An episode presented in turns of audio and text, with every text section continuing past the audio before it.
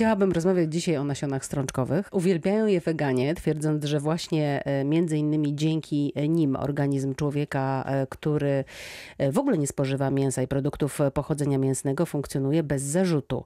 Cóż to za bogactwo kryją strączki i dlaczego mogą wręcz zastępować mięso? No dla wegan to faktycznie ratunek, e, ponieważ nasiona roślin strączkowych, one zawierają spore ilości białka. To jest od 20 do 35%, jeżeli mówimy o grochu, fasoli, soczewicy, ciecierzycy. Natomiast w przypadku soi ta zawartość białka jest nawet wyższa, bo może sięgać 50%. Ale wspominał pan kiedyś, że to zawsze jest jednak białko roślinne. Tak, zgadza się, bo mówiliśmy wielokrotnie, że białko białku nierówne.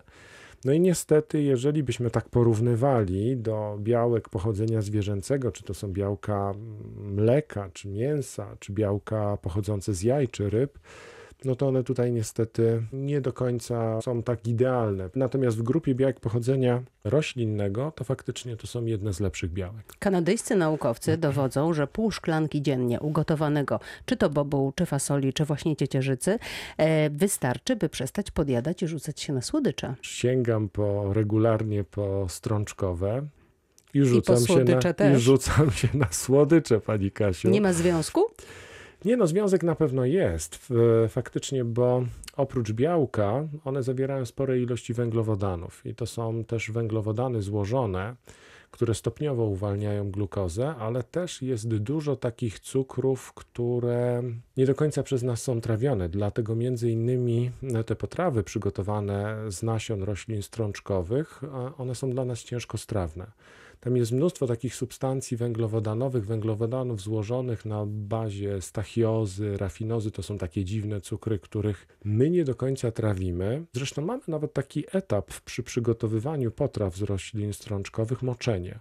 Podczas moczenia tracimy ich około od 50 do 80%, czyli ten proces moczenia poprawia znacznie strawność potraw przygotowanych właśnie z takich e, nasion. Ale wracając do tego utraty chęci sięgania po słodycze, Między innymi uwarunkowany jest tym, że glukoza jest utrzymywana na stałym poziomie, bo one stopniowo uwalniają glukozę do krwiobiegu, a tym głównym czynnikiem, który powoduje, że chce nam się słodyczy, chce nam się na przykład jeść albo odczuwamy głód, to to jest stężenie glukozy w krwiobiegu. Wtedy, kiedy ono spada, no to niestety cukrzycy o tym bardzo dobrze wiedzą, ponieważ jeżeli mają niski poziom cukru i wybierają się na zakupy, to do koszyka wrzucają dokładnie wszystko. To, co też podświadomie kodujemy, to to, że najłatwiej to, co nam podniesie ten poziom glukozy we krwi, to są między innymi słodycze. A prawda, że nasiona strączkowe sprawiają, że chudniemy, chociaż są bardzo kaloryczne? To jest prawda,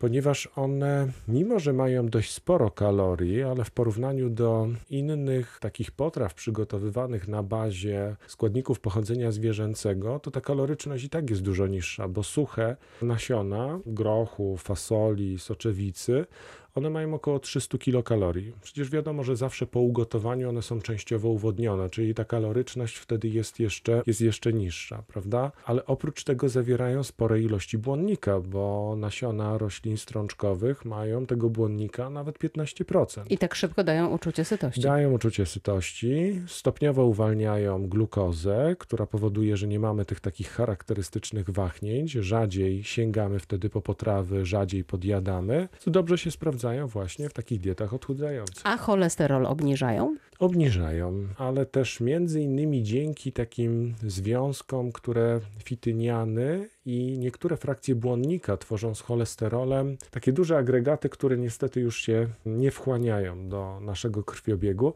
ale to też idzie troszkę w drugą stronę, bo mimo, że zawierają spore ilości składników mineralnych, głównie potasu, magnezu, ale też mikroelementów żelaza, miedzi, cynku, to niestety te fityniany, które są obecne, tworzą, łączą się z tymi jonami metali i ograniczają w ten sposób też wchłanianie jonów metali. A jak pan z naukowego punktu widzenia widzi związek między depresją a strączkami? No to prawdopodobnie jest powiązane ze składnikami mineralnymi, bo jednak magnez e, ma duży wpływ na funkcjonowanie naszego układu nerwowego. E, zresztą takie mm, sytuacje, w których dość często się denerwujemy, wpływają na wydalanie nadmiernej ilości magnezu, więc może to być powiązane, skoro jest to dobre źródło magnezu, to jednocześnie może też przeciwdziałać właśnie depresji i takim stanom związanym z układem nerwowym. A czy gotowanie, obróbka termiczna ma jakikolwiek wpływ na wartość odżywczą? No przede wszystkim ogranicza, tak jak już mówiliśmy sobie wcześniej, e, ilość związków antyodżywczych, czyli mm, moczenie przede wszystkim ma wpływ na mm, usuwanie tych związków węglowodanów złożonych, które no, przez nas nie są trawione. One w takiej formie niestrawionej wędrują do dolnych odcinków przewodu pokarmowego i odpowiadają za wzdęcia, no bo z tym bardzo często kojarzymy. Soja. Ostatnio chyba e, najbardziej popularna, przynajmniej mam takie wrażenie, e, pod postacią e, mleka. Wiem, że pan nie lubi, kiedy mówi się o mleku w kontekście innym niż mleko na przykład krowie. Pani Kasiu, to Ale- napój sojowy, nie Napój mleko. sojowy. Nie używamy w ogóle mleka. Dobrze, mleko niech to tak krowie, zostanie. kozie, owcze. Zatem będziemy się posługiwać taką frazą napój sojowy. Pod tą postacią rzeczywiście soja ostatnio jest bardzo mocno e, znana, ale swego czasu zniesławiona przez GMO, e, modyfikację genetyczną. Jak jest z soją rzeczywiście? E, Jest bezpieczna e, dla nas? To znaczy, ja nie do końca może wyznaję taki pogląd, że wszystko, co modyfikowane genetycznie, to nam szkodzi, bo za każdym razem, jak słyszę o takim poglądzie, że spożywamy obce DNA, no co chwilę spożywamy obce DNA. Sięgając po mięso, to jest obce DNA. Sięgając po jaja, to też jest obce DNA. Sięgając po pewne potrawy pochodzenia roślinnego, to też jest obce DNA. Ale tutaj E, mamy do czynienia z modyfikacją genetyczną, czyli pewną tak, kombinacją. Pytanie, tak, ale wpływ na środowisko naturalne to jedno.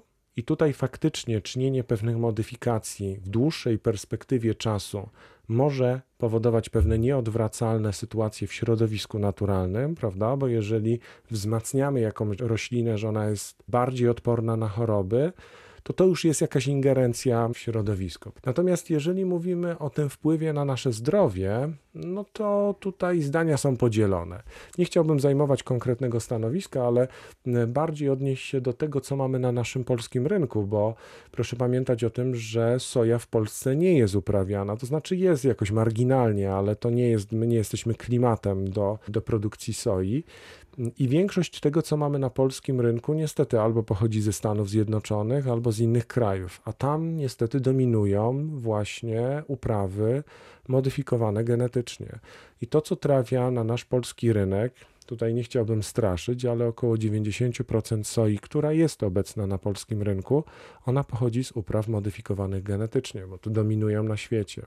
Ale Ta- jak pan powiedział, to nie jest ze szkodą pod względem odżywczym dla naszego zdrowia. Nie, jak najbardziej nie. Jeżeli chodzi o zawartość białka i innych składników odżywczych, to tutaj nie mamy się czego obawiać. Zatem prawda? jakie to może mieć znaczenie? Tylko w, w produkcji tej Tak, soi? tak. Mm, Które strączki są bardziej odżywcze? Te z puszki w zalewie, czy też e, te suche, namoczone potem przez nas i przez nas ugotowane?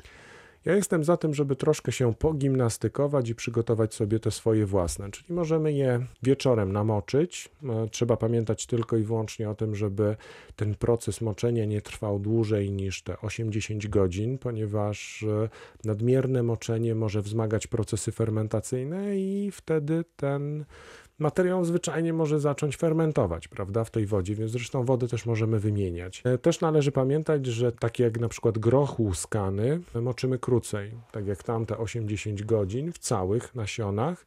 Natomiast tutaj w przypadku połówek takiego grochu to jest około 1-2 godziny, bo wtedy ten dostęp wody do środka takiego nasiona, prawda, jest, jest, jest ułatwiony. Ja nie do końca jestem zwolennikiem tego, co mamy w puszkach, chociaż jest to niezwykle wygodne, bo jest częściowo już przygotowane, jest poddane obróbce termicznej. Nie trzeba gotować. Nie trzeba gotować, ale są pewne substancje, które mogą występować w powłokach puszek, które przechodzą do takiego produktu i mogą nam szkodzić. W jaki Więc- sposób mogą nam szkodzić? E, One się kumulują w organizmie, mają też szereg negatywnego wpływu, więc przede wszystkim powinniśmy to ograniczać w przypadku dzieci. Doktor Marek Szołtysik, bardzo dziękuję. Dziękuję również.